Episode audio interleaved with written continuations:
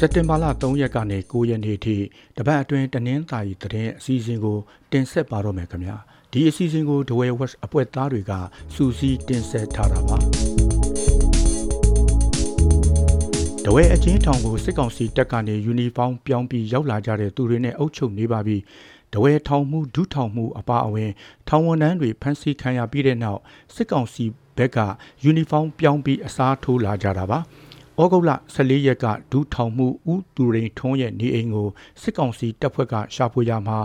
WY စိတ်ကြွဆေးပြားတွေ ICE ဆေးချောက်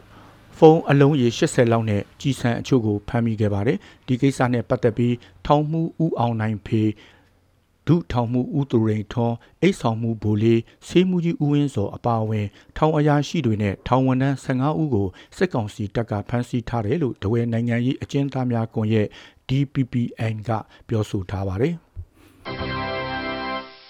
ရန်ကုန်တဝဲအဝေးပြေးကားလမ်းတွေကိုညပိုင်းခရီးသွားလာတာတွေမလုပ်ကြဖို့ပြည်သူ့ကာကွယ်ရေးတပ်တွေကထုတ်ပြန်ထားပါတယ်။အဲ့ဒီလမ်းပိုင်းကိုညနေ6နာရီကနေမနေ့6နာရီထိမဖြတ်တန်းကြဖို့ရေဖြူမြို့နယ်ပြည်သူ့ကာကွယ်ရေးအဖွဲ့နဲ့တဝဲခရိုင်ပြည်သူ့ကာကွယ်ရေးတပ်မတော်အမှတ်1တန်ရင်ကဩဂုတ်လ30ရက်နဲ့စက်တင်ဘာလ6ရက်နေ့တွေမှာထုတ်ပြန်ထားတာပါ။ဒါအပြင်ပြည်သူ့ကာကွယ်ရေးတပ်တွေရဲ့စစ်ဆေးတာကိုလက်ခံပေးကြဖို့စစ်ကောင်စီတပ်ကားတွေနဲ့နီးနီးကပ်ကပ်မမောင်းကြဖို့ကိုလည်းတတိပေးထားပါ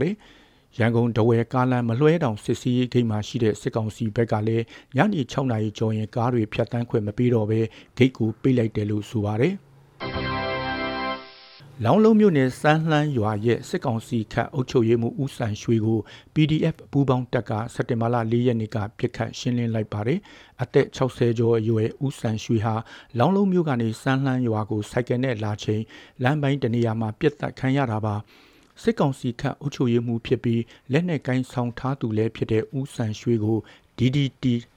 တက်ခွဲသုံးတဲ့ဒဝဲမြို့ပြပျောက်ကြားတပ်ဖွဲ့ကရှင်းလင်းခဲ့တာလို့ဆိုပါတယ်။သူဟာစစ်ကောင်စီတပ်ကစစ်ကြောင်းထိုးချိန်လမ်းပြပေးတာနဲ့စက်ကြီးကောက်ပေးတာတွေလုပ်နေတဲ့အတွက်တတိပေးခဲ့ပေမဲ့ဆက်လုပ်နေလို့ရှင်းလင်းရတာလို့ထုတ်ပြန်ထားပါတယ်။ဦးဆန်ရွှေစီကနေစစ်ကောင်စီတပ်နဲ့ဆက်သွယ်ထားတဲ့ ဖုန်းနံပါတ်ပါဖုန်းတစ်လုံးနဲ့စာရွက်စာတမ်းအပါအဝင်တစိမ့်တုံးနှစ်ခုကိုလည်းတင်စီရမိတယ်လို့ဆိုပါတယ်ရေဖြူမြို့နယ်ကတဝဲအထူးစီးပွားရေးဇုံဒေသကိုစစ်ကောင်စီတပ်စစ်ကြောင်းဝင်လာတဲ့အတွက်ဒေသခံတွေပြောင်းရွှေ့နေကြရပါတယ် အင်အားတရာလောက်ပါတဲ့စစ်ကောင်စီတပ်သားတွေဟာမြေတင်ကား၃စီးနဲ့စက်တင်ဘာလ6ရက်မနေ့ကဒဝဲရင်နဲ့စိတ်ကန်းရဲစခန်းကိုရောက်လာကြတာပါစစ်ကြောင်းဝင်လာတဲ့အတွက်ရေဖြူမြို့နယ်တဲကခမောင်းချောင်းအေဂနိဝဇွမ်းဒေါ်စတဲ့ကြီးရွာတွေကဒေသခံတွေဘေးလွတ်ရာတိမ်းရှောင်နေကြရပါတယ်အခြားကြီးရွာအချို့ကဒေသခံတွေကတော့တိမ်းရှောင်တာမရှိသေးပဲအခြေအနေစောင့်ကြည့်နေကြတယ်လို့ဆိုပါတယ်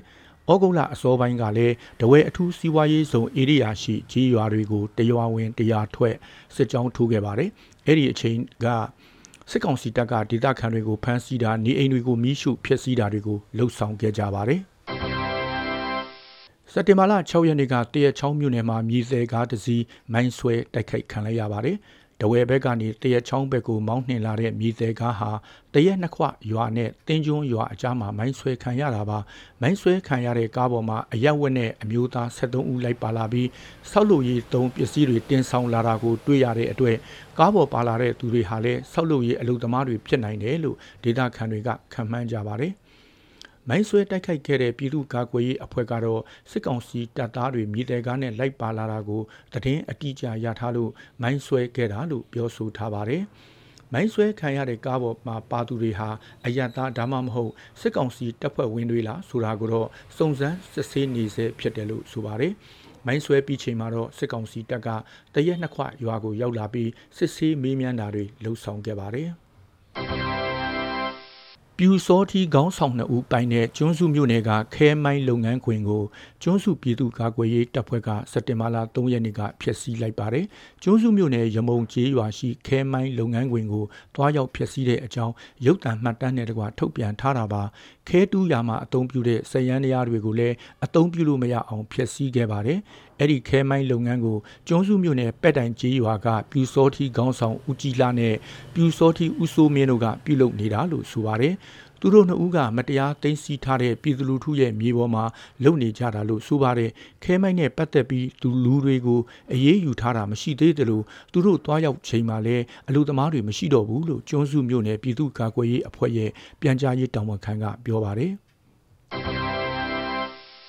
ပလောအခြေဆိုင်ပြည်သူ့ကာကွယ်ရေးတန်ရင်တင်တဲ့စစ်ကောင်စီရေတပ်တင်မော်တို့စက်တင်ဘာလ9ရက်နေ့ကကြောက်ကာရွာနာကပင်လယ်ပြင်မှာပထမဆုံးအကြိမ်တိုက်ပွဲဖြစ်ပွားခဲ့ပါတယ်။မိနစ်20ကြာအပြန်အလှန်ပစ်ခတ်ခဲ့ကြပြီးတိုက်ပွဲအတွင်းစစ်ကောင်စီတင်မောကအမြောက်အချက်ကြီး30ကျော်ပစ်ခတ်ခဲ့တယ်လို့ဆိုပါတယ်။တိုက်ပွဲဖြစ်နေချိန်နောက်ထပ်စစ်တင်မောတစ်စီးထိုက်ရောက်လာတာကြောင့်ပြည်သူ့ကာကွယ်ရေးတပ်ကပြန်ဆုတ်ခဲ့တယ်လို့ဆိုပါတယ်။ ပလောမြို့နယ်ထဲကစစ်ကောင်စီတပ်နဲ့ပြည်သူ့ကာကွယ်ရေးတပ်တို့ပင်လယ်ပြင်မှာပထမဆုံးအကြိမ်တိုက်ပွဲဖြစ်ခဲ့တာပါစစ်ကောင်စီစစ်သင်းဘောဟာကြောက်ကာကြေးရွာနာကပင်လယ်ပြင်မှာရပ်နားထားတာကြာပြီဖြစ်ပြီးကြောက်ကာတကြက်ကန်းစားတဲ့ရွာတွေကငါးဖမ်းလှေတွေကိုစစ်ဆေးတာမတင်ကားသူတွေကိုဖမ်းဆီးတာတွေပြုလုပ်နေတယ်လို့ဒေသခံတွေကပြောပါတယ် ပလောမျိုးနယ်ပလာမျိုးမှာလက်နက်ကြီးကြီးစားထိမှန်ပြီးရှစ်တန်းចောင်းသားအပါဝင်အရက်သား၈ဦးလောက်ဒဏ်ရာရသွားပါတယ်စက်တင်ဘာလ၁ရက်မနေ့ကပြည်သူ့ကာကွယ်ရေးတပ်ဖွဲ့ဝင်တွေယူနီဖောင်းဝတ်ပြီးပလမျိုးဧရိယာထဲဝင်ရောက်လာပြီးတဲ့နောက်ပြန်ထွက်ခွာချိန်မှာစစ်ကောင်စီတပ်ကပလမျိုးရဲစခန်းကနေလက်နက်ကြီးတွေနဲ့ပစ်ခတ်ခဲ့တယ်လို့ဆိုပါတယ်။ လက်နက်ကြီးကြီးတွေဟာမြို့ဧရိယာထဲရှိစားဖူစိတ်ရွှေမော်စီဒီစာတင်ချောင်းအနောက်ဘက်လမ်းနဲ့မင်းပြင်ရွာဘက်ကိုကြားရောက်ပောက်ကွဲခဲ့ပြီးအရက်သားတွေထိခိုက်ဒဏ်ရာရခဲ့တာလို့ဆိုပါတယ် စစ်ကောင်စီစစ်ကြောင်းဟာတနင်္သာရီမြို့နယ်ထဲတနေ့တည်း၃ချိန်မိုင်းဆွဲတိုက်ခိုက်ခံလိုက်ရပါတယ်။စက်တင်ဘာလ6ရက်မနေ့9နာရီခွဲလောက်မှာစစ်ကောင်စီတပ်ဖွဲ့တွေလိုက်ပါလာတဲ့ Vigo ကားဟာကော့မပြင်းရွာနာမှာမိုင်းဆွဲခံရတယ်လို့ဆိုပါတယ်။ဒီလိုမိုင်းဆွဲခံရလို့မိုင်းရှင်းဖို့လာတဲ့စစ်ကောင်စီတပ်လဲထပ်ပြီးမိုင်းဆွဲတိုက်ခိုက်ခံရပြန်ပါတယ်။ညနေ6နာရီလောက်မှာတော့ စစ်ကူလာတဲ့စစ်ကောင်စီစစ်ကြောင်းတတိယအကြိမ်မိုင်းဆွဲတိုက်ခိုက်ခံရပြန်တယ်လို့ဆိုပါတယ်။အခုလို၃ကြိမ်မိုင်းဆွဲတိုက်ခိုက်ခံရတဲ့အတွက်စစ်ကောင်စီတပ်ဖက်ကထိခိုက်ဒေဆုံးတာတွေရှိတယ်လို့ပြည်သူ့ကာကွယ်ရေးအဖွဲ့တွေကထုတ်ပြန်ထားပေမဲ့တီးခြားအတိမပြုနိုင်သေးပါဘူး။မိုင်းဆွဲတိုက်ခိုက်အပြီးမှာတော့လက်နက်ကြီးလက်နက်ငယ်ပစ်ခတ်တံတွေကြားရသလိုခရီးသည်တင်ကားတွေလည်းနာယီအတန်ကြာပိတ်မိနေခဲ့ပါတယ်။ အခုလိုနားဆင်ပေးခဲ့တဲ့အတွက်ကျေးဇူးအထူးတင်ရှိပါတယ်ခင်ဗျာတောတာရှင်များကျမ်းမာချမ်းသာပြီးကပ်ပြီးအပေါင်းမှဝေးနိုင်ကြပါစေလို့ဒဝဲဝက်ဝိုင်းတော်သားများကစုမုံကောင်းတောင်းလိုက်ပါတယ်ခင်ဗျာ